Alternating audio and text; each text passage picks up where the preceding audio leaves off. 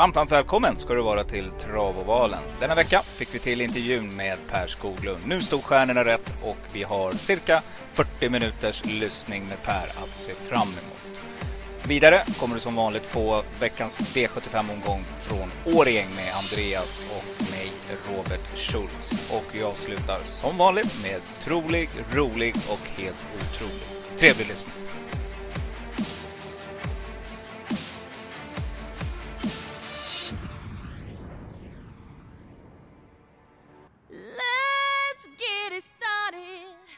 In here.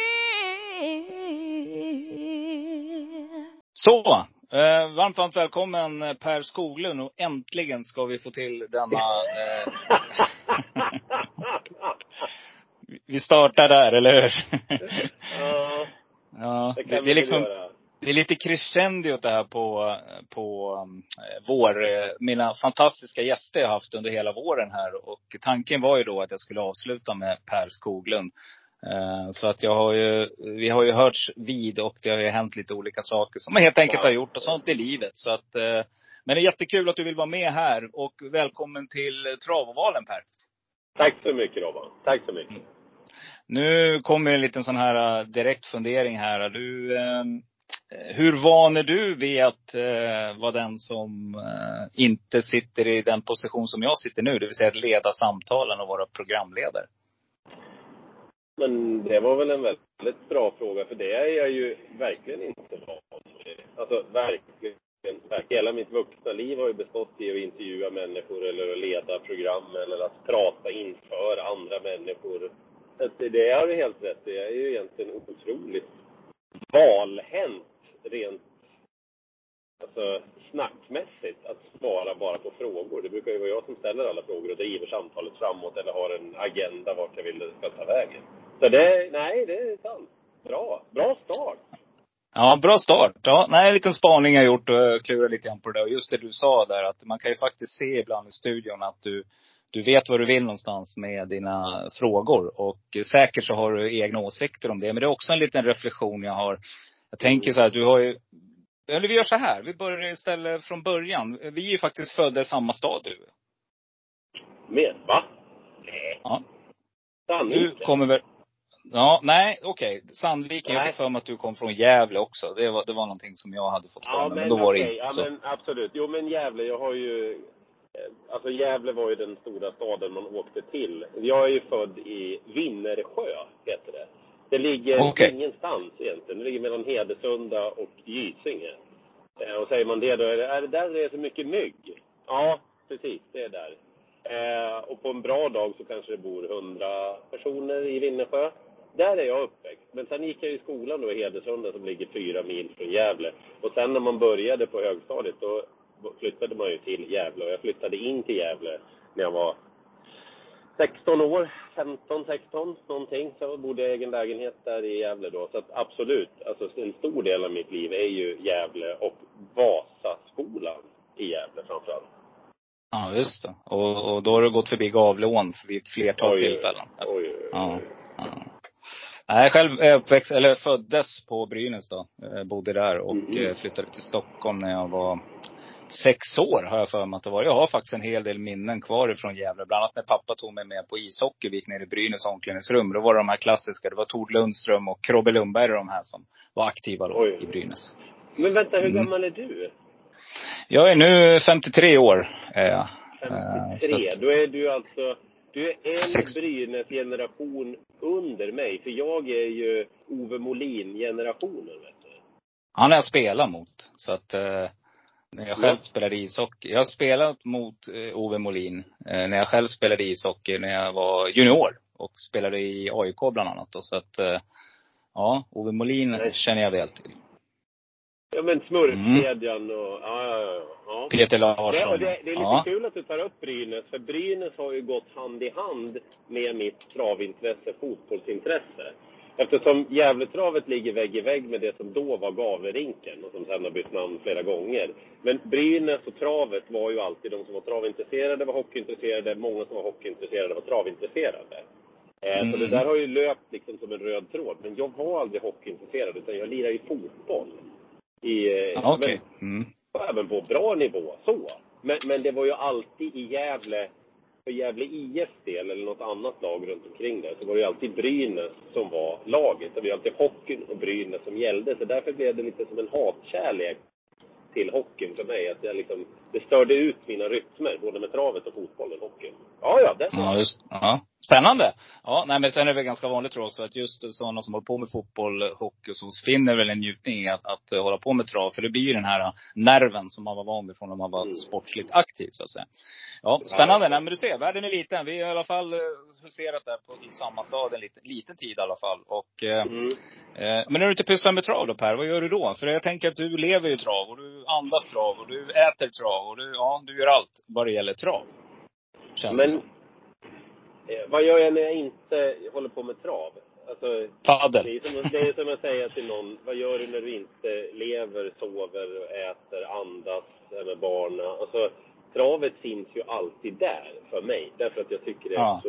Det är ju, det är ju en så stor del av mitt liv och Paulas liv, alltså min frus liv. Så liksom, det Mm. kommer ju naturligt som att göra saker och ting naturligt. Men annars jag försöka träna så gott det går. Jag har ganska jobbigt med astman.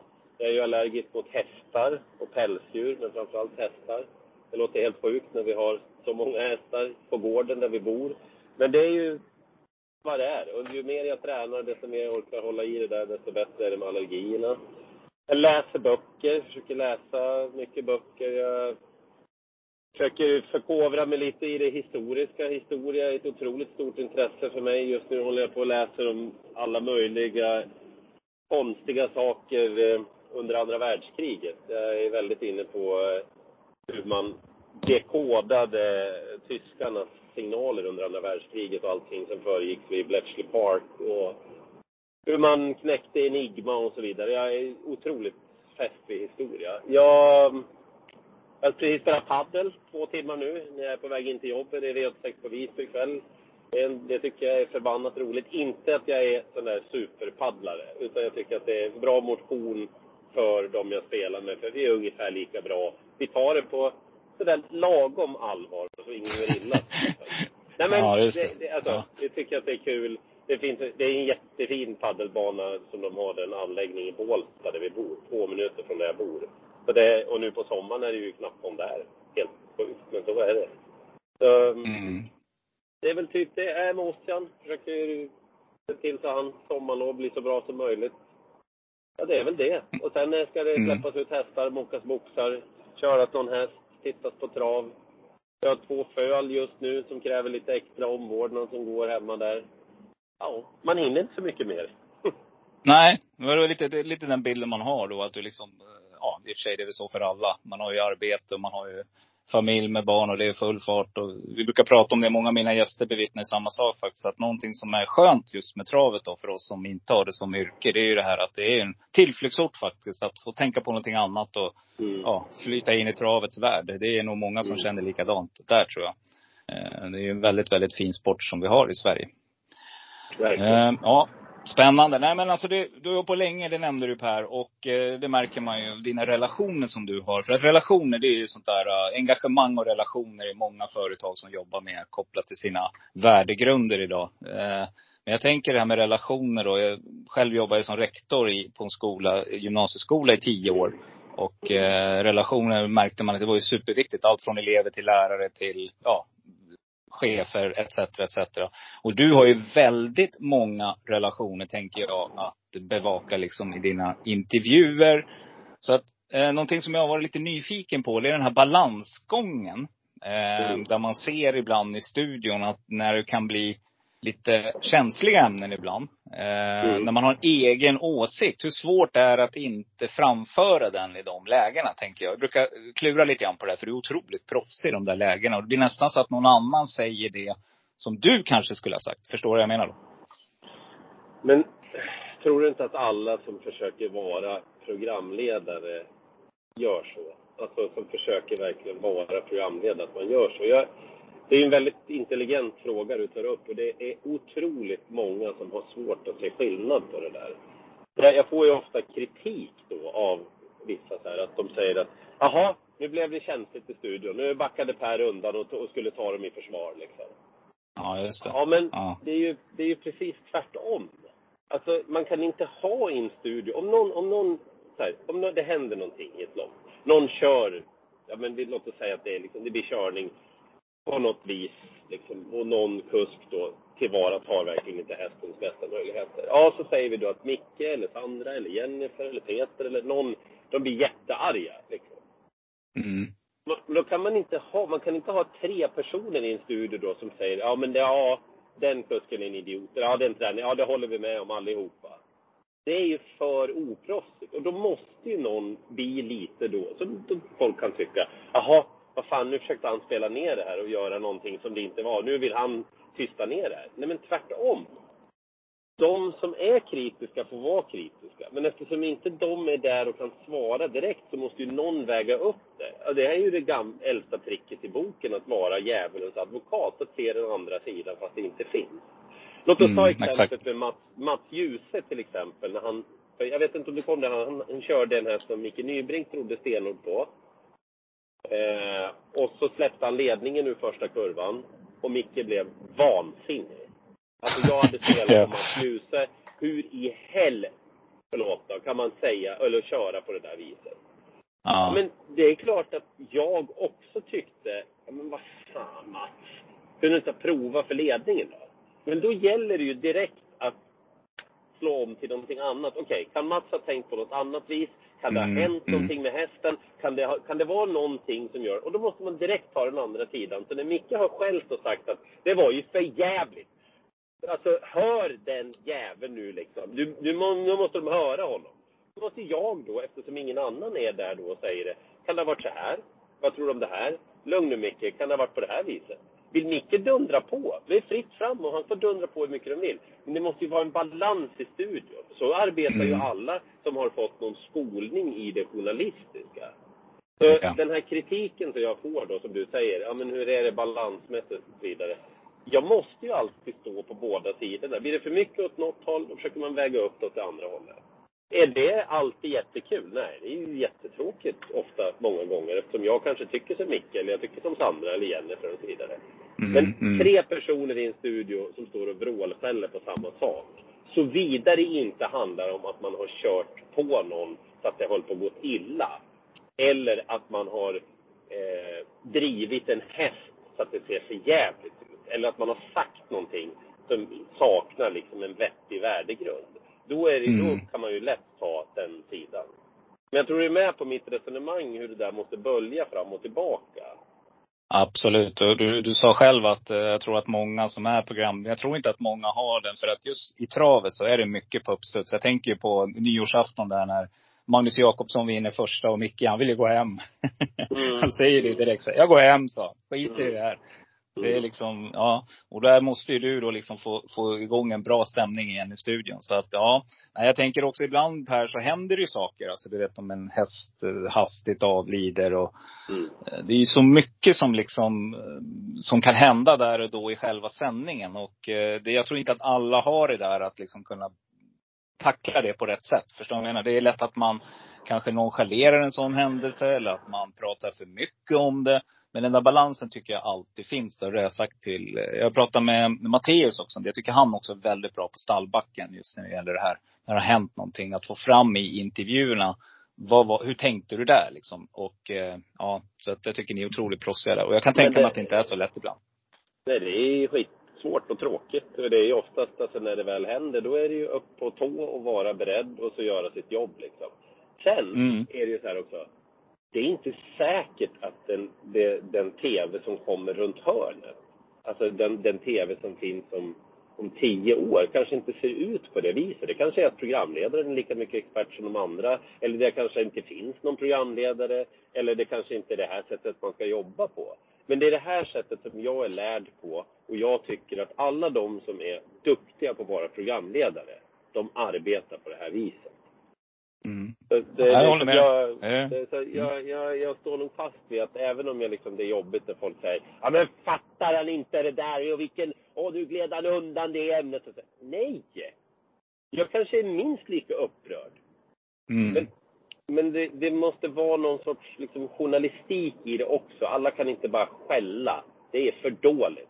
För tänk Mm. om det händer sen då, att någon säger Nej men du vet, eh, han tappade en sko efter 40 meter. Eller, nej men du vet, han kände sig urusel. Eller, nej men du vet, eh, jag, jag kände kort efter start att det, det hände någonting i... Eller, ja men den här hästen, jag, jag har aldrig sagt att jag ska köra i ledningen. Jag förstår inte vad någon... Vadå, jaha, någon vill att jag kör i ledningen, men jag känner ju min häst. Jag vill inte köra i ledningen, då blir jag ju sist i mål. Alltså, Mm. Mm. Mm. trav är ju inte dynamiskt på det viset att det följer förutbestämda mönster. Genom att en människa tävlar med en häst. Nej, för då skulle vi inte, då skulle vi inte ha några utdelningar på 30 miljoner ibland. Så är det. Långt svar, tråkigt svar, Mm. Ja. men så är det. Det är mitt svar. Nej, men det är jättebra. Jag tycker ändå, det, jag var nyfiken på det. Jag tycker att det är eh, en viktig bit liksom. Jag kan tänka mig att det hör till ert jobb. Och och jag återkommer till det. Jag tror att det är en del som har det där och en del har det inte helt enkelt. Utan det är nog lätt att bli nervös där och då när det händer saker. Nej, men jag tycker att fantastiskt bra jobb ni gör i studion. Jag tänker, eh, en liten sån här, om vi går bort från det där. Och så tänker jag, alla har vi ju någon form av favorithästar. Eller hur? Alltså någon Mm. häst som vi tycker är den här hästen. Och det kan vara någon gammal häst. Eller till exempel har jag en häst som jag har lyft i podden som jag tycker att det pratas lite för lite om. Det är ju Campo Bahia. Eh, som jag hoppas Mm. snart kommer tillbaka. Jag, jag, jag har ju någonstans sagt att jag tror att, och Matteus höll faktiskt med mig där när jag hade han som gäst. Att han tror ju också att det är nog bland det värsta vi haft någonsin på en travbana. Tyvärr så, ja, har han ju gått sönder liksom. Men eh, jag hoppas verkligen att jag får se han. Har du någon sån häst som du liksom känner att det här är min, my kind of horse? Jag har väl haft... Man, ska den vara nutid eller dåtid eller hur? Spelar ingen roll. Spelar ingen roll. När jag började gå på trav, alltså när jag var liten, så. Då, hade jag, då såg jag ju Viking Kronos på Gävletravet. Och det var ju Mm. någonting helt annat. När jag stod och höll pappa i handen liksom och man bara, men vad är det där för någonting? Alltså det var ju Mm. något helt annat än de hästarna som vanligtvis tävlade på Gävletravet. Här kom det en häst som liksom tog ledningen och sen drog undan och vann med 100 meter. Det var ju, det gick ju inte. Eh, så det var den första upplevelsen av en annorlunda typ av häst. Liksom att, vad, vad, vad, var det där för någonting? Mm. Och Uppenbarelse. den- Ja, men sån att man fick, men det där var ju någonting annat. Eh, sen är det ju, han fick ju aldrig den karriären. Men eh, Stig Johansson hade ju en som hette Velino Bo. Mm. Och han, eh, hans karriär blev ju alldeles för kort. När han förlorade Svenskt travderby, ter, eh, travderby och Erik slog körspöet i vagnen efter målgång. För han kände nog det som jag kände då också, Erik, att ah, det där var ju chansen att vinna derbyt åt Stig H och för den här hästen att vinna ett stort lopp. Jag tror Erik kände på sig någonstans att benen var inte byggda för en lång karriär. Liksom. Eh, han, han var otroligt bra vid linjebok. Jag tror få förstår vilken kapacitet han hade, men vilka sköra ben han också hade. Och så är det ju Maharaja. Och han Mm. tog jag ju till mig egentligen när han hade gjort två starter innan. För jag hörde ju snacket då utifrån Menhammar hur det var att den här hästen kunde inte bli trött. När han gick intervaller i backen eh, ute på eh, ute hos Stefan Hultman. Var, de andra var ju liksom de var ju hundra meter efter. Så Mm. det, var, det var lätt jobbigt då under den där perioden när Maharaja var utdömd av i princip alla. Man kände sig otroligt ensam i uppfattningen att men det är väl en superhäst Maharaja, är det inte det? Och sen när han kom tillbaka då, först vann Olympiatravet med 200 meter och Örjan sitter, alltså, han, man ser på närbilden att Örjan börjar le när de svänger in på upploppen. När han bara tar lite höger-vänster med tömmarna och han lyfter från marken Maharaja. Mm. Och sen när han Mm. då vinner. Låt då vara att det var inte det bästa Prix d'Amérique som har körts långt därifrån och han fick en fin resa och så vidare. Men att han fick göra det till slut, det var på något vis kändes det ändå som att det fanns en rättvisa för honom. Och nu är han ju ledande avelshingst i Sverige. Och det är också Mm. förbannat roligt. Så de tre, Mm. Viking Kronos, Ja. Medino Boko och Maharaja, de har varit stora. Personligen nämnde jag ju då Campo Bahia. Sen har jag ju en häst som jag, nu, nu händer kanske samma sak igen här med Robert Berg. Eh, Mm. Hästen som har bytt träning här nu. Vad den hette nu igen? Jag glömde bort Orup namnet på den. Victory. Jajamän, precis. Men han hade ju Remington Crown också från början. Mm. Eh, Och det var också en sån där häst som jag direkt tog till mig. Alltså, hade- den hade någonting och den sedermera kommit tillbaka och vann faktiskt Elitloppet också. Så att, Mm. eh, ja, det var också en sån där häst som, eh, ja, uppfödaren bodde i Trosa där och jag själv bott där i x antal år också. Så att, eh, ja, det var också en sån där häst som jag eh, tog till mig. Men, mm, Jag vet spännande att Per. Rob- Robert har sagt att Remington Crown, och försäljningen där av Remington Crown, det var ju John Kreutoff då eh, Mm. som köpte hästen. Ah, en del av försäljningen där av Remington Crown, där gick ju på något vis Roberts liv vidare lite. Det gav honom mycket större Ja. möjligheter liksom efter det. Han har ju sagt hur mycket det där betydde. Eh, Precis. Det finns ju flera bottnar i det där med Remington Crown. Mm, men det var en sån där fantastisk häst som, eh, ja, som, som man tar till sig helt enkelt. Mm. Ja, Får jag säga en sak till när man pratar om Ja. hästar? Mm. Eh, det finns väldigt många, tyvärr, inom som säger att när någon säger att ja men gud, alltså jag tycker att den hästen, det är min favorithäst. Då är det Mm. många av de som är väldigt travintresserade som fnyser lite grann. Men hur kan du tycka det liksom? Och det där eh, stör mig ofta när vi pratar om hästar och sådär. Hur, hur individuellt det är med favorithästar. Att bara för att någon häst har sämre kapacitet eller de är på ett annat vis. Att liksom så här, det, det är ett litet sådär att man bara får tycka att de här superhästarna är superhästar. Man får ju tycka att vilken häst som helst är sin favorit. För det är det hela travet bygger på och V75. Att man är med med sina hästar, sitt lag, på V75. Så att det där, Mm. jag, alla ni som har favorithästar som lyssnar på det här. Alltså, det spelar ingen roll. Jag älskar att ni har en favorithäst överhuvudtaget. Det är det som gör att travet är så intressant och populärt. Mm. Nej men det är precis det du, det du nämnde, jag har tagit upp tidigare, jag tror jag pratade med Sandra om det när hon var gäst också, det här med att bygga team liksom. Att, som här, jag i Dalarna nu och det är Rättvik och Romme. Att man liksom jobbar kring de hästarna, att man liksom bygger upp de här affischnamn, de här lokala travbanorna. Att man verkligen liksom marknadsför sina tränare, hästägare och eh, framförallt hästarna då. Så att man får de här, precis som du säger, det kanske är en häst som bara knallar upp i bronsdivisionen. Men det spelar ingen roll, men det är ens favorithäst och likt förbannat så sträcker man den. Fast man kanske, Mm. med hjärtat, Mm, man kanske inte borde ha gjort det liksom. Men det är jätteviktigt alltså. Det, det hela trav, ja, sfären Alltså, bygger på det. Jag håller med dig. Ja, man måste förstå att vapnet som svensk travsport har, det heter V75. Mm. Av omsättningen så är det alltså nästan nio tiondelar som kommer från V75. Och då måste vi ha hästar som är med oss från lägsta klassen, arbetar sig igenom klasserna, man känner igen dem. Nej, de kanske inte vinner, inte mer än en gång på V75. Men du kan direkt se när den hästen dyker upp i startlistan, aha, jag vet mycket om den hästen. Jag vet hur startsnabb den är, jag vet vilken form den har, jag vet vad den har för egenskaper. Det är, ja, det är så viktigt alltså. Mm. Det kommer ju, det kommer ju faktiskt ut en sån här som, eh, som i V75 7 som jag har följt konstant varje start och den har ju varit, ibland har den, alltså den har ju haft ett rykte om sig att inte vinna på Solvalla, Wild Love. Eh, Mm. Mm. Och jag plockade ju bort den som sista häst i förmån för Dragster under Elitloppshelgen. Annars hade jag satt sjuan där på lördag. Så att, eh, jo, så det var ju en sån där riktigt tung. Jag hade fyra, fyra hästar i sista och plockade bort den i sista sekund. Nej men herregud, Systemet- vad gav sju rätt då? Det gav ju monstermycket. Sju eller 800 000 någonting va? där. Mm. Ja, den var tung. Så att eh, Kevin Oskarsson, Wild Love, det är en sån här häst som, som jag har följt och som jag en gång plockade bort och då vann den. Så att den har alltid följt med annars. Nu ser jag att den faktiskt bara sträcka på 3% till helgen och ja, lite bortglömd där faktiskt. Så kanske lite form på väg ur, men man vet aldrig. Jag vet Mm, att, spännande, eh, Per. Min, min fru eh, var nere och, och eh, träffade Bengt Simberg tillsammans med Matteus. Och de dyker upp i både reportage i V75 Direkt i helgen och i Bli vän med V75. Så det vet jag lite Mm. mer om, om teamet bakom.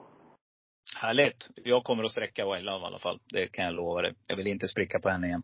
Ja, Nej. nej men det var kul Per. Vi skulle kunna sitta och prata hur länge som helst. Trav är liksom, du har ju sagt det vet jag många gånger, att du kan prata trav hur länge som helst. Du är precis likadan. Det är liksom, det är outgrundligt liksom. Man kan babbla om det. Det, det, liksom, det finns nya vinklar hela tiden.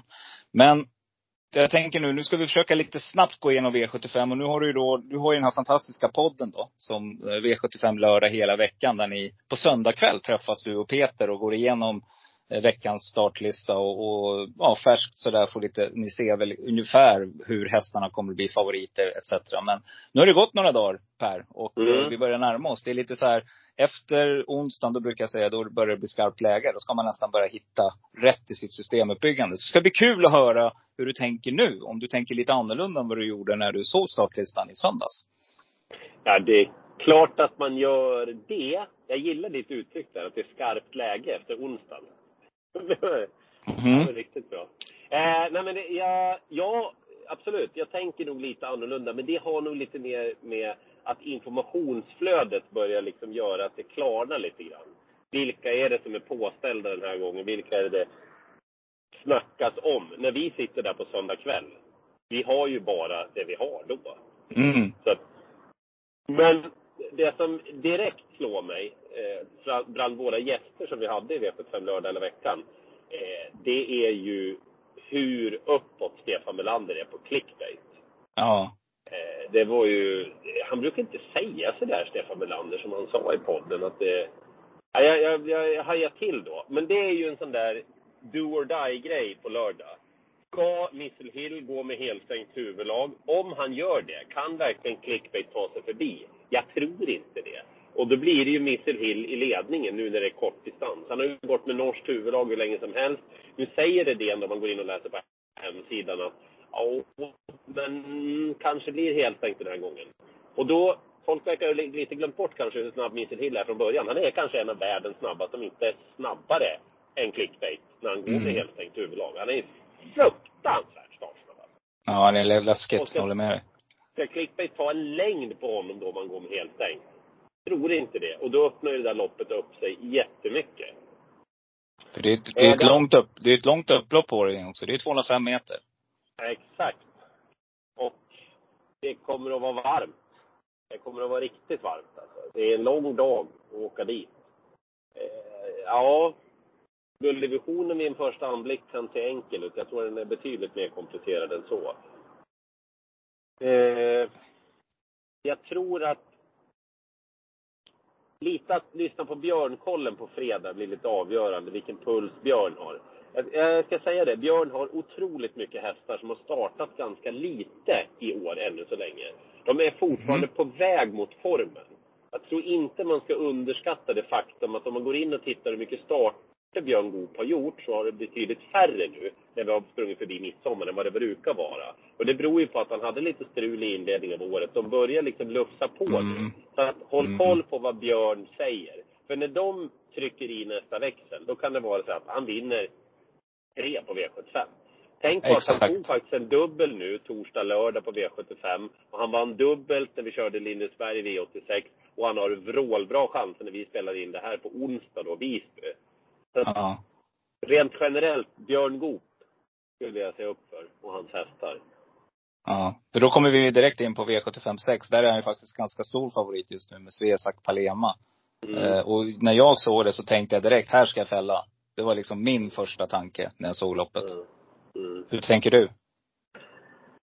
Eh, att det är jobbigt läge. Det för att jag trodde ju så otroligt mycket på Svesak Palema inför debuten senast. Hon hade ju spår 8 då. Mm. Jag sa den här, om Björn bara låter det minsta positiv, då är det bara att spika hästen. Jag och Mattias mm. Panta har ju där 8 rätt som går inför onsdagarna. Ja, jättebra program. Jag såg, jag såg direkt när hon dök upp i startlistan att, nej men herregud, det är ju en kanonhäst det där. Hon springer ju 12 tider full distans när hon är bra. Och just en sån där häst som har varit hos Björn, tränat tungt i sandbacken där hos Björn, kommer ut, är kanonbra. Men spänsten var ju inte hundraprocentig. Starten efter, Ja, det är klart hon kommer att vara jättebra igen, Svesak Palema. Det enda lilla med Svesak Palema, det är att hon har en historia av att ha känsliga ben. Va? Så att det gnager lite grann. Och sen är väl, det är väl så att Platinum Shine är med i det loppet också. Stämmer bra. Nummer tre. Lill Delicious. Ja. Det där är en kraftigt underskattad häst alltså. Och eh, jag var besviken senast. Sofia Aronsson, tränaren, sa eh, det var inte jag. Hon hade varit en sväng förbi farbror doktorn. Hon hade inte fått gått några riktiga jobb. Hon gick nytt rekord. Hon var ute mot helt andra hästar. Hon fått det loppet i sig. Hon är startsnabb. Hon är jättebra på alla sätt och vis. Hon är klok, förnuftig. Och ta 20 meter på henne i Årjäng när det är 25 grader varmt. Det är inte säkert att det går alltså. Det där är En procent. underskattad. Ja, det är en otroligt underskattad häst. Mm. Ja, spännande. Där har vi ett drag. Jag har ju en, avdelning som heter, det är en klassisk egentligen, men det är eh, trolig, rolig och helt otrolig. Och då, då har jag kryssat för Platinum Tile här. Och där brukar det faktiskt ramla in en hel del roliga drag på just under helt otrolig. Det är faktiskt en, en häst som kommer i, i V755. Vi går bakåt nu i startlistan istället. Ja, ja, ja. Eh, Pacific Kingdom vann ju på V75 när, eh, nu ska vi se, eh, om jag kollar lite snabbt här. Carl-Johan Jeppsson körde väl den då. Man körde Eller när det var med rätt- bra lopp då. Ja. Precis. Den hade jag då. Då stod den i 26 gånger den gången. Och eh, då hade jag den som ett otroligt drag. Och jag tror den var sträcka på 3-4 procent bara där någonstans. Och nu är det favorit, 29 procent. Kommer du att eh, spika? Eh, nej, det kommer jag inte att göra. Eh, även om hästen har väldigt bra form. Han är ingen sån där favorithäst för mig. Han är ingen sån jag går på och spikar, tyvärr. Eh, det, det, det blir gardering. Och det är ett sån typ av lopp också som jag nästan alltid garderar i. Ehm, det V75, finns många som ja, kan, det- ja, det finns Mm. många som kan vinna det där loppet. Punkt slut. Bara, bara Duchenne 6 procent. Intressant. Och det är väl ändå intressant att han måste ju på något vis ha valt den hästen, Carl-Johan Jeppsson. Mm. Eller hur? Stämmer, det stämmer. Ja. Mm. Så det är också, så- kan man ge det som tips till er som tittar, om det är en kusk som brukar köra flera olika hästar. Ni kan gå in på travsport.se och kolla på propositioner, kompletteringslistor. Då rangordnar kuskarna hästarna utefter hur de vill köra dem. Med en etta, tvåa Mm. och trea om de är uppsatt på flera hästar. Gäller det Jörgen Sjunnesson i första också? Han, han valde ju Red My Brodde istället för Taxi Out. Ja, det är mycket möjligt att det är så. Absolut. Mm. Är han uppsatt på båda hästarna och trycker en etta på den ena och en tvåa på den andra, då är det ju så att då är ju han valt. Mm, för det är Ola Karlssons båda springare där ju. Ja, du ser. Mm. Bra spaning, Ja. Robban. Ja, du ser. Men lite påläst i alla fall. Och det hoppas jag, det, det vill jag att mina andelsköpare ska känna också att det är så. Att vi försöker, vi gör så gott vi kan. Och vi sätter nu i, ibland så får vi in lite roliga spel också faktiskt. Jaha, då ska vi se. V754, där kommer ju fantastiskt kallblodigt Ulvåsen. Jag vet att du varnade för Järvsömalla va, i podden, eller hur? Eh, nej, jag sa att han var döpt efter Mohammed Malla, vår gamle kollega. Så kanske Ja. det var. Mm. Eh, och så sa jag att han har hittat en otrolig form, eh, Järvsö Malla. Men min feeling är att han är lite bättre över kort distans. Okej. Mm. Och om det är någon förutom Ulvsåsen som jag ska varna för. Förut, Anders Wallin var ju supernöjd verkligen med sin häst Mm. i podden. Han var ju jättenöjd. Den som skaver lite grann, det är ju den här Björnemyr Dennis nummer sju. När den Mm. levererar på topp, då är den inte lika bra som favoriten, men han startar i alla fall 20 meter före också. Det är för mycket spel just nu på Järvsömalla på att den har två raka segrar och att Örjan Kihlström kör. Det, det krävs lite mer för att slå både Björnemyr Dennis och Ulvsåsen, tror jag i alla fall. Mm. Uh, Björnemyr Dennis, den är sträckad på 4 procent. Så det är ju klart intressant. Mm. Men, eh, Men jag det- håller med dig. Jag tycker nog, ja. Nej men det där när han, eh, till exempel, när han vann, om ni tittar på Björnemyr Dennis, när hästen vann på Åby var det väl, eh, kan det ha varit i november förra året? Ja. Japp, Då slog han alltså, Mm. då slog han alltså Emil Mollyn, som är strax under eliten, Gulirebin, som är strax under eliten, Vollanfax, Mosjur, sådana hästar slog han då. Eh, Så Mm. att när han tävlar på topp, och nu start, kör han på start här, Björnemyr Dennis. Alltså han startar 20 Mhm. meter före favoriten, och jag tror att han är en bättre häst, eh, Björnemyr Dennis, än Järvsömalla. Det där är ju V75 i ett nötskal. Järvsömalla, Örjan Kihlström, två raka segrar, 18 procent. Björnemyr Dennis, Peter Åderfors, Jonny Jensen, eh, bara en seger i raden. Nej, men den får bli 4 procent. Det är det här Mm, som där är så man- härligt. Och rycker man dojorna också, fram, bakskorna på Så, Björn Dennis. Nej men spännande, men Ulfsåsen är nog en, Ulfsåsen är nog en bra eh, favorit, tror jag ändå, Mm. i det här loppet. Mm. Fin häst. Jaha, då ska vi se. V75 3, där är det vilket ruggigt race alltså. Och favorit, det är, det är delat här nu på tre hästar. Det är Born Unicorn, Rotate och eh, nummer 9 Upstead Face med Adrian Colgjini. Jag har ett drag här som jag har väntat på. Också en sån där häst lik Wild Love. Som jag tror skulle kunna slå till. Men lite nyfiken på dig där. Har du någon, tror du att det står mellan de här tre eller eh, går Upstead Face bara och vinner? För han måste göra från dödens i, och Born Unicorn kanske får ledningen som du sa. Då är jag inte så säker jag. Jag tror väl kanske att just Upstate Face får det lite lurigare den här gången. Det viskades ju lite grann om att han eventuellt ska ut i Hugo Åbergs Memorial. Mm. Och då är frågan då, det, det är ju en och en halv vecka till Hugo Åbergs, det är den 27. Eh, jag vet inte, vill man tömma honom då en och en halv vecka innan? Alltså jag skulle vilja veta det där innan start på lördag, hur man tänker sig med Hugo Åbergs Memorial. Jag menar, det vore ju Mm. inte otroligt efter hans, jag menar han har ju gått monsterlopp nu. Tre gånger på Ja. raken. Ska han fram i utvändigt om ledaren igen då och kriga ner antingen Born Unicorn eller Rotate? Men Det, ja, ja det... Vil- Vilken hade du som drag då? Jag tror eh, vi ska passa på Ivory Quattro. Jag tror att eh, den är ruggigt startsnabb också när den har sin dag. Och jag är inte så främmande för att han faktiskt skulle kunna komma före på en Unicorn här och eh, trycka sig till ledningen, om Rickard vill. Det är det här som är så härligt med V75 alltså. Det jag, hade, jag hade aldrig haft den tanken. Alltså verkligen inte. Men det är ju det här som gör att man kan vara helt rätt ute eller helt fel ute. Du säger, jag tror han kan komma till ledningen. Jag tänkte, uff, spår åtta, då har den ingen chans. Du såg glaset som halvfullt och jag som halvtomt. Mm. Ja, nej, en tanke där. Och Bertram är fruktansvärt snabb. Jag tror inte har spets, men jag tror att man släpper om Ivory Quattro kommer ångandes. Ja, jag tror inte Rickard släpper. 100%. Jag tror inte det. Nej. två i, i vad heter det, Harpen Overs förra året. Så att det, det är kapacitet i den där hästen. V75 2. Nu börjar du komma fram Mm. hör jag. Ska vi se. Favorit Men det gör ingenting va? Ni får följa med mig in på Okej. jobbet lite grann. Ja, Ja. trevligt. Trevligt. Härligt.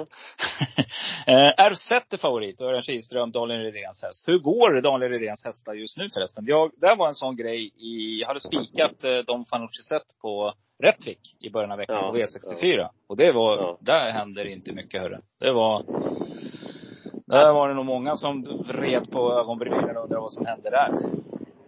Jag tror att förklaringen är ganska enkel. Jag läste några tider efteråt. Han gick alltså 1.08 med 1.07 sista 500 ut i tredje spår, Don Fanucci sett.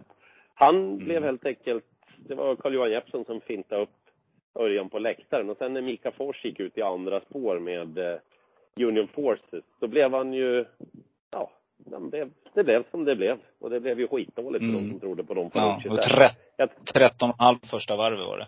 Ja, ja. Det här är också en sån där sak som man, ja men om vi nu pratar om, om vi står i studion efteråt. Okej, fan Örjan körde bort den. Ja, Örjan borde ha. Okej, vilken, vilken fot ska jag stå på då liksom? Det, om, om, du, om du hade stått bredvid Micke då och skällt på att Örjan körde bort Don Fanucci sett. Kan jag också säga det då i studion så vi är tre som står och säger att fy fan vad dålig du är Örjan? Ja, nej det går ju inte. Nej, jag får nog vara Micke där då. Eh, I det här ja, fallet. då kan jag vara Eh. säga, då kan jag säga så här, ja men han kunde ju inte ta sig förbi från start. Eh, han gick ju ut i andra spår sen 1200 kvar. Förvånande att Mika Fors gick ut i andra spår framför. Och, Ja, okej, så borde han ge sig iväg i tredje spår direkt då? Ja, kanske, kanske inte. Han gick snabbare än i Elitloppet typ sista 700, men det räckte inte i alla fall. Nej, det är svar på frågan faktiskt. Så är det ju. Det är helt rätt. Du har helt rätt där. Jag, jag har faktiskt inte sett att han gick så fort de sista. Ehm, nu var ju Brother Bill riktigt bra för dagen också, det ska man säga. Det var bra spänst i, i, i hovarna där. Men ehm, ja, men lite sådär, man, man fick en liten sån här, vad var det som hände? Ehm, Mm. Så jag Ja, kollade på mobilen Ja, vet jag. Mm. Så vad tror du? Tror du att Redéns vinner? hästar? Eh, Ja, precis. De går väl... Men jämnt, skulle jag säga. Det är väl ingen superform på dem. Det är min feeling i alla fall. Eh, men Irv Seth, Mm. han hade ju ett vapen senast som jag inte visste att han hade. Att han är vrålsnabb från början. Han bara svischar ju till ledningen. Mm. Eh, Tror han tar ett spets här? På en rak fråga så säger jag ja. Ja, ja, då är det ju hästen att slå, helt klart. Capital Gain CC tror jag är snabbast från början och sen tror jag att, jag tror att man kan tänka sig att släppa till Örvset. Mm. Då är det en bra spik. Han är läskigt mycket spelad alltså. 52 procent. Ja, kommer kanske landa, ligga där någonstans också tror jag, innan det är klart. Hoppas han, trend, hoppas han trendar ner. Mm. Då är det spelvärt. Allt Ja, under det spelvärt. 45. Ja, exakt. Mm. Grymt! V751 har vi då Upperface och Riptight RD som är favoriter. Carl-Johan Jeppsson spring, lite halvspringspår där på bakspår mot eh, Adrian Collinis eh, som har lite byngligt spår 5. Eh, ja, 20 procent kontra 22 procent just nu. Jag säger Barolo Rock, ja. Nio. Oj. Ja. Eh, Björn Goop, småvarnat för hästen. Har suttit fast, galopperat bort sig, galopperat igen. Behövde ju safea in en placering då också. Fick i alla fall ett riktigt Mm. lopp i kroppen senast då. Nu tror jag att Björn kommer att vara obarmhärtig. Det är just nu min spik på V75, Barolo Rock. Åh, spännande! Ja, Det är Mm. kanondrag, Per. Mm. Härligt. Vill höra Ja. Björn säga att att han låter sådär lite mellan raderna nöjd med hästen. Så vill jag ha det. Mm. På Mm. fredag när Björnkollen kommer. Då är det bara att Mm. hamra in. Också. 12 procent säger jag att det är nu. Mm. Och så Mm. Årjäng Gått lite Backesand, Backesandbanan eller vad han säger. Exakt. Exakt. Ja. Ja. Mm. Jaha, har du någon, någon liten halvstänkare där i första också? Någon Red Mile Brodde just nu 5% som just eh, Jörgen Sjunnesson eh, väljer Mm, att köra. Mm. Ja, och om man ska ha någon, någon stänkare i det loppet så är det väl att leta hästar som går på innerspår. Eh, om personal goals, om han nu ska gå utan skor runt om och får en resa, säg ryggledaren eller någonting.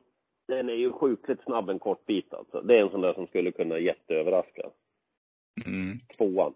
Den är inte lika bra som de den möter. Verkligen inte.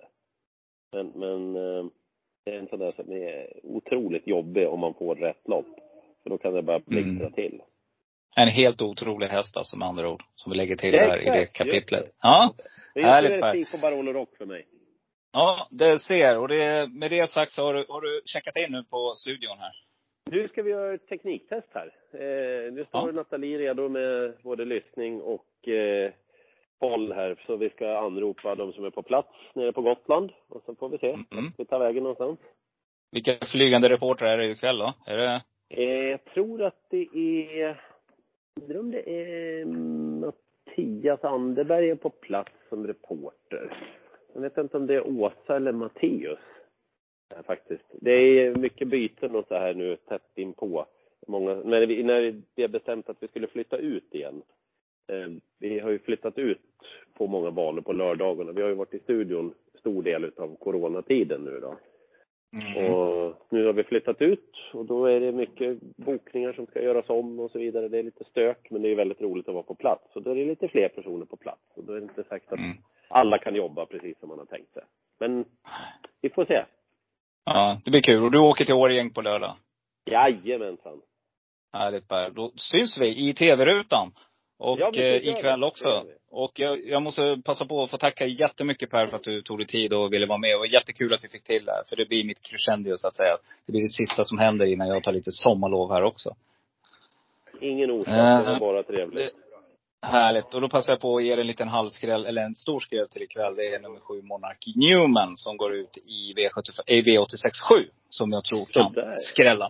Mm. Åsa, härligt. Åsa Elmros häst. Ja, jag gillar den och jag tycker den var Ja. bra sist efter vila och sådär. Så att den, den kan säkert ställa till någonting här. Härligt! Du, stort lycka till ikväll och lycka till på lördag och lycka till med livet i allmänt Per. Ja, men du, vi hörs. Något mer, va? Ja, det gör vi. Ha det gott. Ja. Bra, bra. Hälsa hej, studion. hej, hej. Hej. Jag Hej. ska göra. Hej, hej.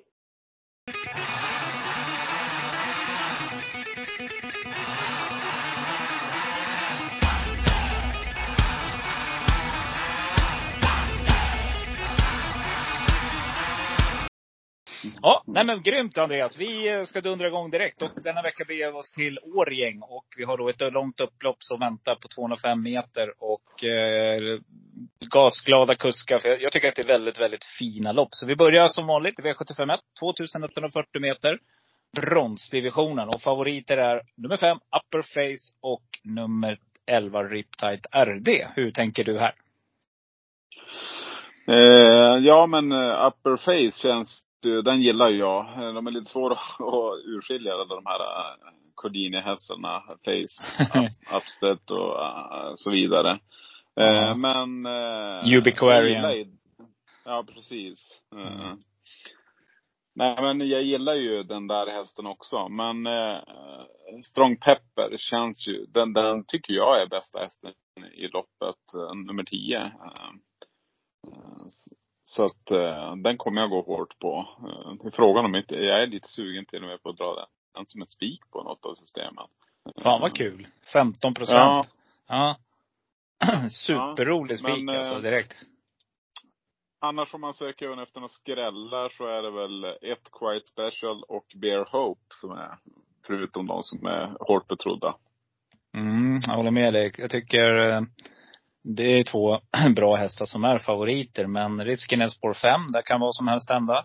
Det har vi sett förut. Och Riptight är det, ja den är i behov av att loppet blir som Carl-Johan Jeppsson vill. Det som är intressant här det är att han väljer den här uppsittningen. Så att vi får helt enkelt se. Jag tänker ju att eh, Red Mile Brodde, eh, nummer sex där, är också en riktigt bra häst. Den vinner ju inte ihjäl sig.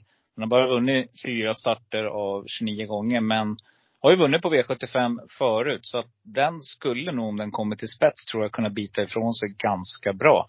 Eh, jag nämner mm. också mm. nummer två, Personal Goals, för den tycker jag är bra. Det kan vara ett roligt eh, skrällbud. Och nummer tre, Taxi Out. Eh, mm. För övrigt så är det ju en väldigt eh, klurig inledning. Jag tror att många kommer gå på just de här två favoriterna, 5 och 11 här. Så att det kommer, här kan man hitta riktigt härliga skrällar om man letar lite. Ja, så känns det ju. Det, det känns ju nästan som att man skulle vilja ha nästan alla hästar i det här loppet. Mm. För det, jag tror att den, här kan den nog skrälla rejält på en gång. Så det, eller så blir det en av favoriterna om man nu har tagit. Om man tar alla streck då blir det någon, någon av favoriterna. Och tar man inte alla streck så, så, så blir det väl någon, eh, någon riktig skräll. Mm, det var eldorado med rast där. Mm. Peter Untersteiner, sonen Johan kör åt honom här. Eh, spår 8 kan också vara väldigt bra i voltstart. Så att den kan vi också slänga till som ett sista streck om vi har många hästar med, tänker jag. Mm. V75 2, 1640. Nu kommer det bli race. Eh, det är då eh, klass 2. Och då brukar det kunna hända saker. Och stor favorit är ju nummer 8, Ervset. Och som den såg ut senast så tycker väl jag att det är befogat. Hur tänker du här? Ja, eh, det känns ju som den bästa hästen överlägset i det här loppet. Eh, sen vi, och dels också utifrån förra prestationen. Men eh, sen är det klart att spår 8 är inte roligt på 1640, så är det ju. Men jag tror att den är så pass mycket bättre än de övriga i det här loppet så att jag tror ändå den vinner. Mm. Du hade ju en, det, jag sitter och kollar lite här på loppet sist. Den hade ju spår 5 då och bara sköt ju till ledningen hur lätt som helst. Så att eh, startsnabb är den ju också. Ja, den kan nog till och med ta, jag tror nog att eh, Adrian kommer att kliva fram med den på en gång. Faktiskt. Från, från start och jag tror att han kommer att sitta i ledningen efter kanske lite längre än 500 meter. Kanske någonstans kring 600 meter. Och sen tror jag inte jag det är någon som kommer att rå på honom. Nej. Eh, så tror jag. Jag tycker att det är en, jag tycker att det är en väldigt bra spik trots att det är spår 8 faktiskt. Mm, intressant då på spik i första om man lyckas sätta den i första och du sätter din där, Strong Pepper. Och så har man Örset. Ja men det, det låter ju bra direkt mm. alltså. För jag, jag, tycker att det är en väldigt klurig omgång för övrigt. Ska man leta några skrällar mm. här så har du någonting du rekommenderar då? Ja men det är väl annars uh, nummer nio, Balishi, uh, som jag tycker är den bästa, den bästa hästen efter Örset. Den är också ett lite tråkigt spår men, men um, den kan ju absolut eh, ta sig i det här och 7% på den, det är ju ett otroligt bra spel. Det är ju, så är det ju. Mm, den var nog vinnaren den hästen. Och det är återigen så är det sonen Johan som kör åt pappa Peter här. Så att, eh, ja, jag håller med dig. 9-4-1 har den i, i sin rad, vilket är bra siffror. Um, en annan häst, uh, nummer, uh, jätteskräll, nummer sju, Victor Heines, Stefan Persson.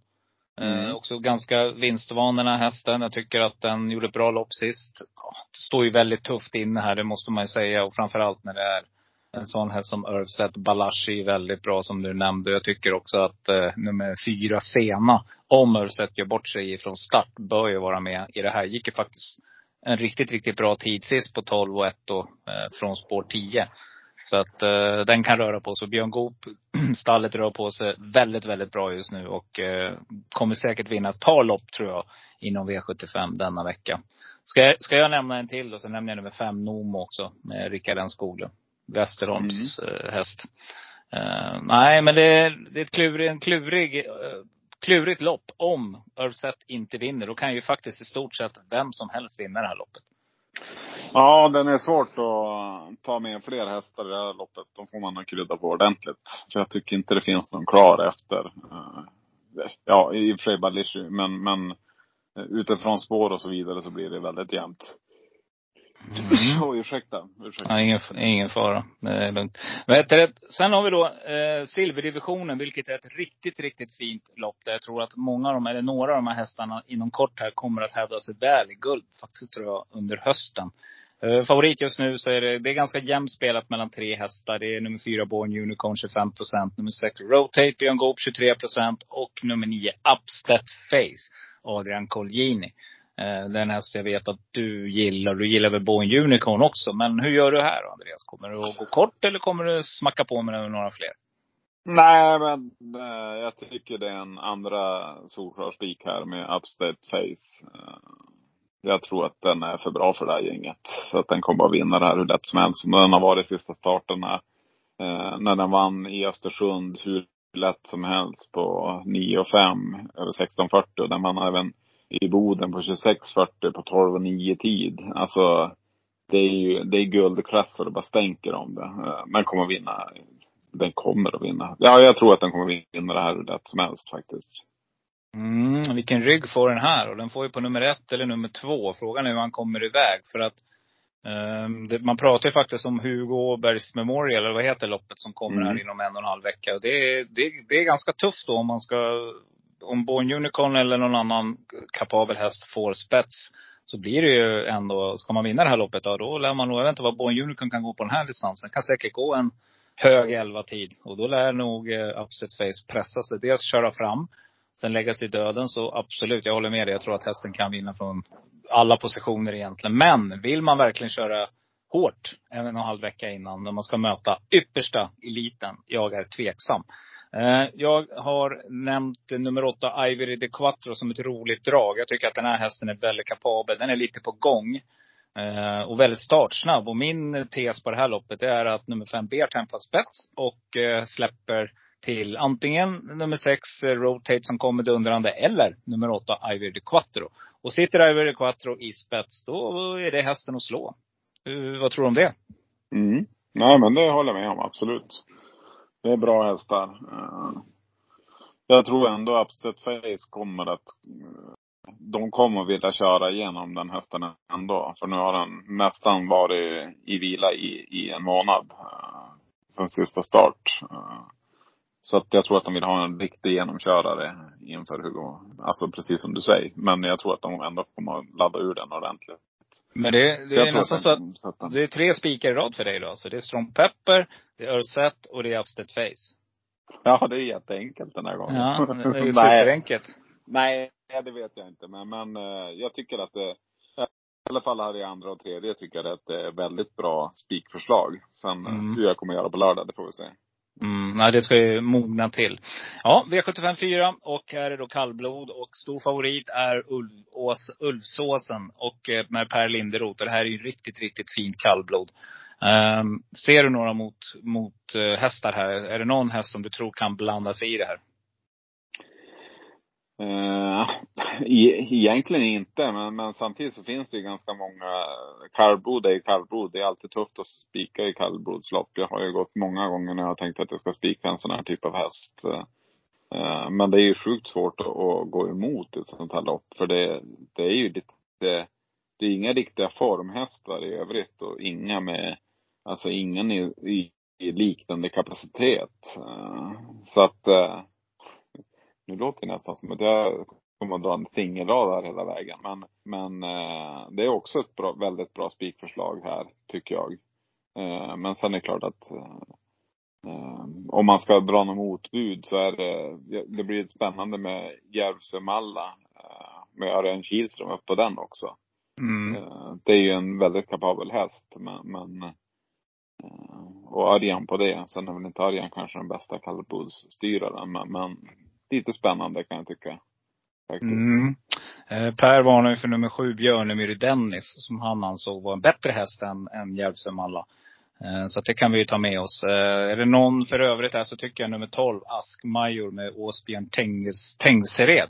Mm. Kan ju också vara ett roligt streck från tillägg där. Rygg på Ulsåsen. Man vet aldrig. Den kan galoppera. Det har ju hänt förr liksom. Vi såg ju eh, Månlycke AM här galopperade ju på, för några veckor sedan. Och ja, man vet aldrig liksom. Det, det är den, det är kallblod, det är kallblod brukar man säga. Och det är, ja, det är tufft att, att sia hur loppen ska bli körda. Eh, men eh, hur som helst så känns det som att här, än så här länge så kan man gå ganska kort faktiskt. Och vi, vi har ju inte hittat några så här superstänkare. Så vi, jag känner ändå att vi måste bjuda på någon här i V75 4. Eh, jag tycker att det är på sin plats. Så ska jag nämna någon då så tycker jag att nummer, nummer sju har vi nämnt. Men nummer åtta, Fantomet, Dagfinn Årum också 3 procent. Eh, mm. Det skulle också kunna vara en sån där rysare. Vet du. Den går i sina 26-25 tider om den går felfritt. Så att, uh, skulle kunna skrälla till. Och jag vet inte, nummer 11, Tangen Tuff. Vad tror du om den då? Ja, men jag tänkte precis säga den faktiskt. Bra. Den är ja. ju en, en, absolut en spännande häst och har ju gått ganska dåligt. Den satt ju en etta nu sist eh, i Hagmyren på, i sista starten. Dock i Monté. Men eh, ja, nej men spännande. Mm. Jag tror att det ja. kanske är garderingsspiken hittills. ja, och nu har vi liksom kommit så här långt och vi har ju då självklart eh, fyra rätt efter fyra avdelningar. Och favorit i V75 5 är då i klass 1, nummer 2 Pacific Kingdom. Och om du kommer ihåg det Andreas, så, så rekommenderar jag den här som helt otrolig för x antal omgångar sedan i vintras. Och då vann den ju till 26 gånger pengarna. Jag tror det var 3-4 procent på V75. Merete Larsen springare. Men kommer den verkligen att vinna nu? Jag tycker att det är några bra hästar emot. Jag vill höra dig först, hur, vad du tycker Andreas. Är det, är det en häst du går ut på hela vägen eller har du någon motbud? Nej, men i det här loppet kommer jag nog att krydda på ganska friskt eh, faktiskt. Eh, det känns som ett väldigt öppet lopp. Eh, jag tycker väl egentligen det var Mandela Zon som nu är struken som var den riktiga hästen i det här loppet. Annars tycker jag det är ganska jämnt därefter.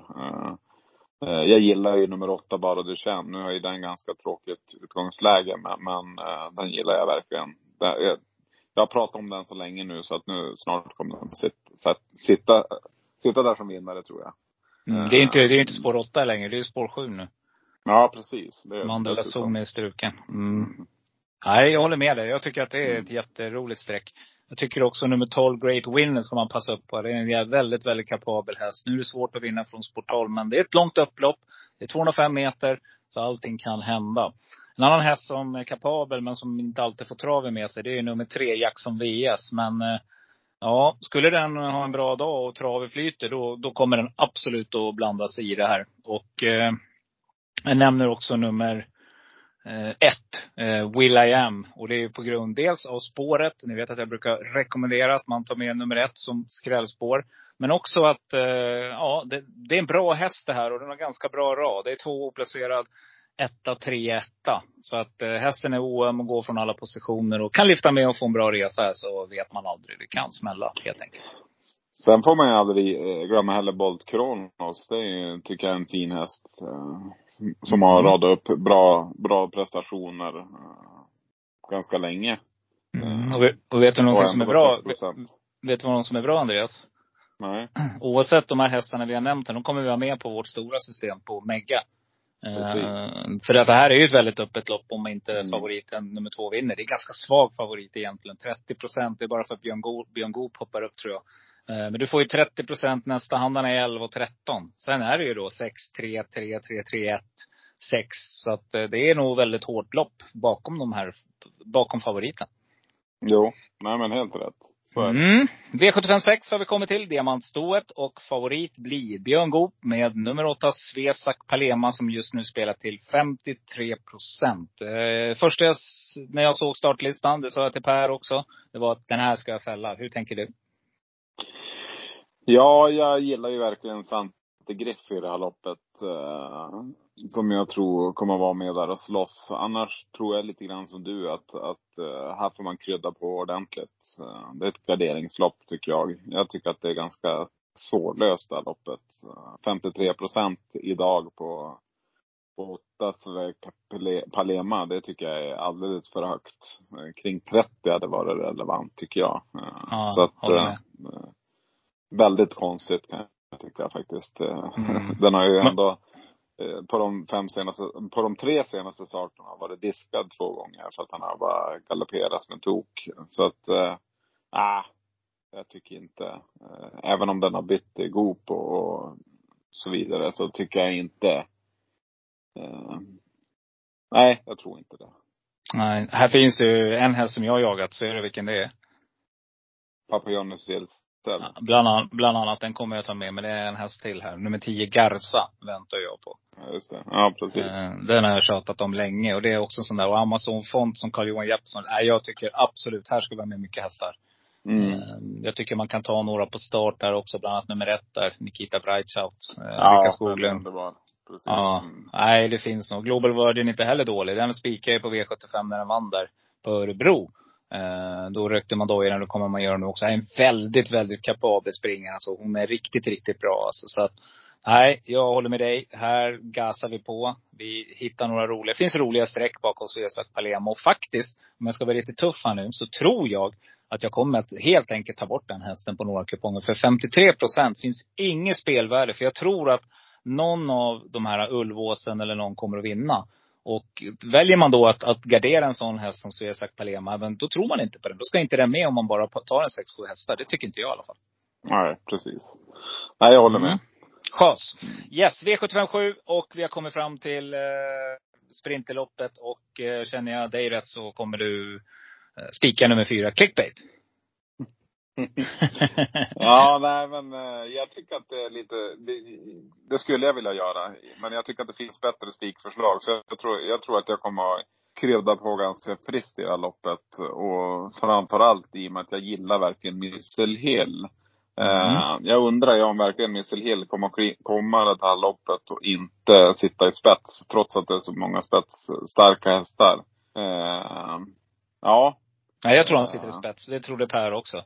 Så att jag, Ja. vi tre är överens här. Och sätter man på ett helstängt här, då kommer det bara smälla. Den här hästen är grymt startsnabb alltså. Så att, eh, eh, nej, den, eh, absolut. Det är spets och slut här. Kan vara, men har, har inte den där riktiga formen heller. Jag tycker att det är hästar bakom. Har du något drag där som du känner direkt så här, den här, förutom Taekwondo självklart, den vet vi hur kapabel den är. Men jag tänker, finns det någon annan häst som du plockar med om du garderar här? Ja, men Vernissage Griff gillar jag ju också. Eh, absolut. Eh, sen, sen är väl klart Tart of Steel, den, den tror jag kommer komma. Sen är frågan om den kommer redan nu, det vet jag inte. Men eh, alltså det är ju ett, alla i det här loppet tycker jag är bra. Sen är ju frågan om, kan Wild Love komma med någon fler skräll och sätta dit den igen något mer? Eh, den har ju varit ute i väldigt tuffa lopp nu. Mm. Ja. Ja, jag, ja, jag håller med. Wild Love, jag tycker Saren Fast var förbättrad sist. Var ute på lång distans och vann. Gick Mm. ett väldigt, väldigt snabbt sista varv. Hade ju tur då att ettan blev diskad. Men är det, här är en kapabel springare som, formen är på väg upp. Och eh, här kan faktiskt den hästen få loppet. En annan häst som är riktigt bra, som jag väntar på. Som inte riktigt har fått den utvecklingen på slutet de sista åren. Det är ju nummer fem, Ferrari BR. Det här är med. riktigt, riktigt, eller hur? Mm. Visst är det en fin Mm. häst? Ja. Absolut. Och här får den ju ligga i, Per-Olof Miffia tycker jag är duktig att köra också. Så att uh, få ligga i draget här och, och, bara lyfta med. Och sen nämnde du Wide Love. Den tycker jag absolut att ni ska plocka med om ni garderar. Uh, Heart of Steel har jag pratat om tidigare också. Det, det är en sån där riktig, den vann ju faktiskt någon storlopp förra året. Jag kommer inte ihåg, var det inte Copenhagen Cup den vann då? Och ville att den skulle vara med i Elitloppet. Uh, men fick inte vara med då. Så att den var i alla fall aktuell för Elitloppet. Jag tror att det var den som sista häst som inte kom med. Mm. Eh, Ja, så förra kanske året. Jag kan kolla här lite snabbt. Jag är ganska säker på det. Och det betyder ju att den här hästen har ju kapacitet. Alltså, så att Mm. jag tror helt klart att, och han vann sist på, i Charlottenlunda på 12 och 3 på medel. Eh, nej, jag tror att uh, helt enkelt att det kan smälla här ordentligt. Och här har vi då alla hästar på mega. Så det får vi verkligen hoppas. Är vi med hit, då ska det smälla. Men uh, går man kort, du nämnde nummer två, Vernissage Griff, tycker jag. Taekwondo, självklart. Drag 14 procent. Kan också vara rolig spik faktiskt. Uh, hittar Adrian ut här och formen är så bra som de säger så, ja då kan det ju bara smälla. Det här är ju, det, det är väl, är inte det bästa hästen egentligen, rent kapacitetmässigt, när allting fungerar? Ja, men jag vill nog hålla Missile Hill också väldigt högt faktiskt. Mm. Jag, ja. Mm. Kommer du ihåg förra året när han vann två lopp? Han vann från sport 12 på 9 och 6. Taekwondo. På Kalmar. Ja, ja nej men det är en fantastisk häst. Absolut. Mm. Hur som helst Andreas, vi har en ruggigt spännande omgång framför oss. Och eh, Ja. om man vill eh, spela med oss, vart ska man vända sig då någonstans? Ja men då är det ju travavalen. Mm. på Frendo. Och Frendo och eh, Bjursås hittar man oss va, på butiksandelar. Eh, Så går man in där och köper. Och, och visst har det varit ett bra drag här nu på slutet på kupongerna, eller på andelarna? Ja men det, det har det ju. Och det är jackpot nu så att eh, jag tror väl att det kommer att rassla på ganska friskt. Eh, Vi öppnade väl upp det mesta nu här de sista dagarna. Så att eh, Mm. vi får se. Det, det har ju varit bra drag sista, sista omgångarna. Det har det ju verkligen varit. Det har ju varit slutsålt nästan alla, eller alla, men många av systemen innan, innan torsdag i alla fall. Så vi får se. Nu när den här podden släpps så kanske det är slutsålt. Så det gäller att Mm. hänga på. Mm. 450, vi är 450 medlemmar nu ser jag. Tickar Mm. ständigt uppåt. Eh, podden, den här podden gör ju, vi får se om Andreas och jag känner för det, men eventuellt ska vi ta lite sommarledigt. För det vart ju lite crescendiot här nu med att Per Skoglund var med. Vi vill ju vänta in det avsnittet. Sen Mm. kanske vi tar lite semester i podden och återkommer i höst. Eh, skulle vi få feeling Andreas, så gör vi en liten snabb podd igen någon gång här, eller hur? Yes, absolut. Ja. Superbra. Tack för att du var med den här veckan igen och eh, vi hörs vidare inför helgen. Ja, men vi gör det. Ha det Ja, gott. ta hand om främmandet nu. Tack. Hej! Ja, hej. Det går bra nu. Pengar rullar in som det ska Det går bra nu. Hennessy Moët i mitt glas Det går bra nu. Rysk kaviar på mitt fat Det går bra nu. Det går bra nu, kompis det går bra Jag nu. Pengar rullar in som det ska Det går bra nu. Grabbarna är med när jag drar För det går bra nu. Släng upp en hand om du känner det Det går bra nu. Det går bra nu, kompis det går bra nu. Så, då ska vi avsluta med trolig, rolig och helt otrolig. Men innan dess så vill jag passa på att önska er alla en fantastisk eh, fortsättning på sommaren. Och att ni försöker att bege er ut till travbanorna nu när det ges möjlighet. Eh, trav är bäst på plats. Sen gå in på Frendo. Denna podcast görs ju i samarbete med Frendo Bjursås. Eh, gå in där, köp en andel om du känner för någon av våra, något av våra system. Eh, finns andelar allt från 100 kronor upp till 1000 kronor. Så att eh, det är lite upp till dig vilken storlek du väljer. Eh, vidare sen så gå in på Instagram. Eh, lägg till oss där så får du lite uppdateringar vad som händer. Eh, Facebook finns vi också på. Travvalen.se kan du leta efter där. Eh, ja, vi finns lite överallt helt enkelt. Och gå gärna in och eh, säg vad du tycker om podden. Det vore jättetrevligt eh, om man får en tumme upp så vore det superkul tycker jag då personligen. Yes, men då drar vi igång V757 och mitt troliga streck i den omgången blir nummer två Vernissage Griff. Jag tror inte att distansen spelar någon roll utan jag tror helt enkelt att Alexandro Gocciadoro med hästarnas form de visar nu. Vi såg igår på V86 eh, så tror jag att den har bra chans att vinna till 19 procent. Mitt roliga streck blir kanske inte så här superroligt men det är nummer ett Taekwondo Adrian Colgjini.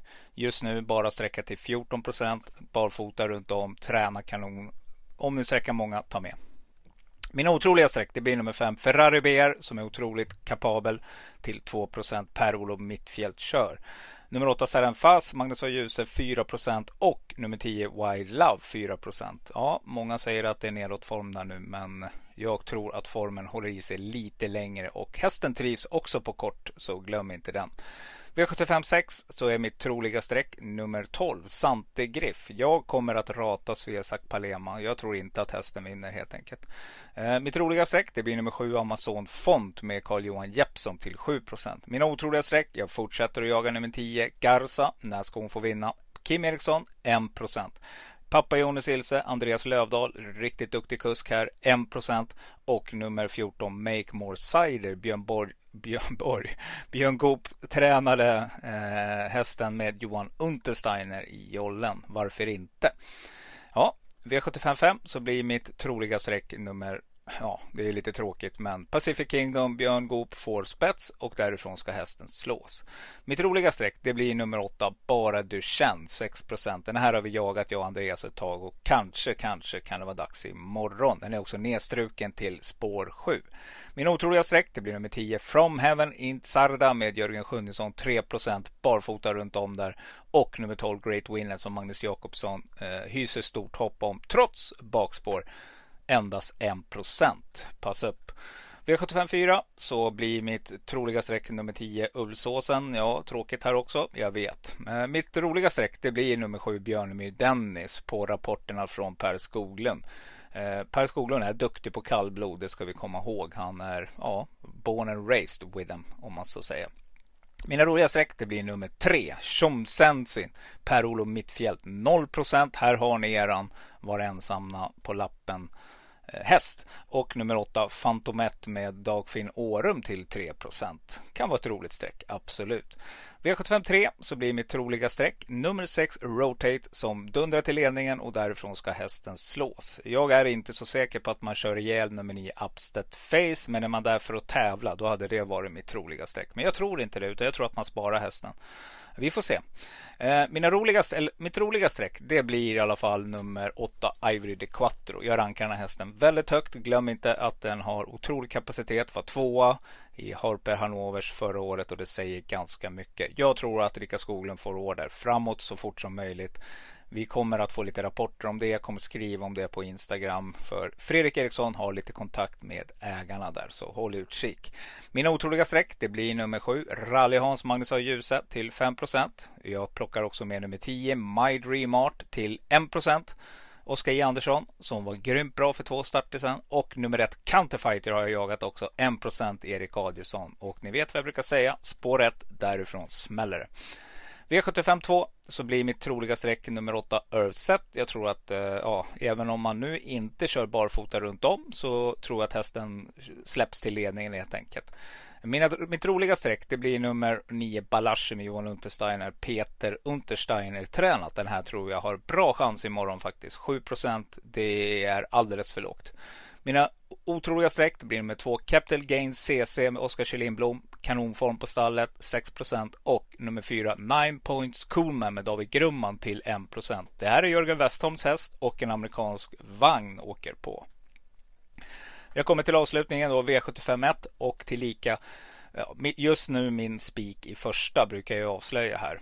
Eh, mitt troliga streck det blir nummer 11 Riptight RD Carl-Johan Jeppsson. Efter mycket mm, eh, vånda och besvär så tror jag ändå att eh, det är hästen som ska slås helt enkelt. Jag tror att eh, Carl-Johan Jeppsson sänder iväg. Det här är en riktigt kapabel springare och jag tror att de andra kan få svårt även de på framvolten om man kommer fram i tid vill säga. Mitt roliga streck det är nummer 6 Red Mile Brodde. Den här hästen tycker jag är, har mer att ge än vad den har visat eh, hittills. Och jag blir inte förvånad om den vinner till till 5 med Jörgen Sjunnesson i jollen. Min otroliga streck det blir nummer 4 Bear Hope. Också Björn Goop tränat. Stefan Persson, han och jag kommer inte överens just nu. Jag tycker inte Stefan kör med något så här jättesjälvförtroende. Jag vet inte riktigt vad det beror på. Men eh, det är då man ska spela med också. För att 2% det lockar helt klart på den här hästen. Och nummer 8 Eldorado Meras med Johan Untersteiner till 1 barfota runt om där och eh, ja, och spår 8 behöver inte vara fel om till exempel nummer 1 Quite Special kommer iväg ganska bra där från spår 1 så kan Eldor Meras sitta på den här upploppet vankas och det är ganska långt upplopp på Årjäng 205 meter. Ja, vem blir då min spik i första? Just nu så lutar det åt att jag spikar nummer 11, Riptide RD med Carl-Johan Jeppsson. 23 procent, lite högt kanske. Jag tror att det kommer att eh, ticka neråt imorgon för jag tror att nummer 9, Barolo Rock, kommer att eh, dra på sig en massa streck och nummer 10, Strong Pepper. Och det får de gärna göra för mig för jag tror på nummer 11, Riptide RD. Yes, med det sagt så var det nu lite sommar här, välbehövlig vila. Eh, men vi tar inte vila från travet utan andelarna kommer att fortsätta att spelas varje vecka. Och eh, jag tackar för att ni har varit med under den här säsongen. Det är faktiskt så, det har varit en säsong. Det är ett år sedan vi drog igång Travovalen, eller jag då som är grundare Robert Schultz tycker att det här är fantastiskt kul och hoppas att vi kan utveckla den än mer nästa år. Det finns roliga planer för det. Tills dess, vi hörs vidare. Eh, var rädda om er där ute som jag brukar säga. Kör försiktigt om ni ska till några sommarstugor. Eh, tänk på att det fortfarande är en eh, pandemi där ute. Det är inte över än. Allt det där vet ni redan. Men ja, var rädda om er helt enkelt och eh, håll till godo. Så jag säger bara håll till godo med de öar jag lyfte en gång. Jag bjuder på det, är du med? Håll till godo. Ha! Jag råkar liksom bara vara sån. Håll till godo, håll till godo. Jo då, så att du vet.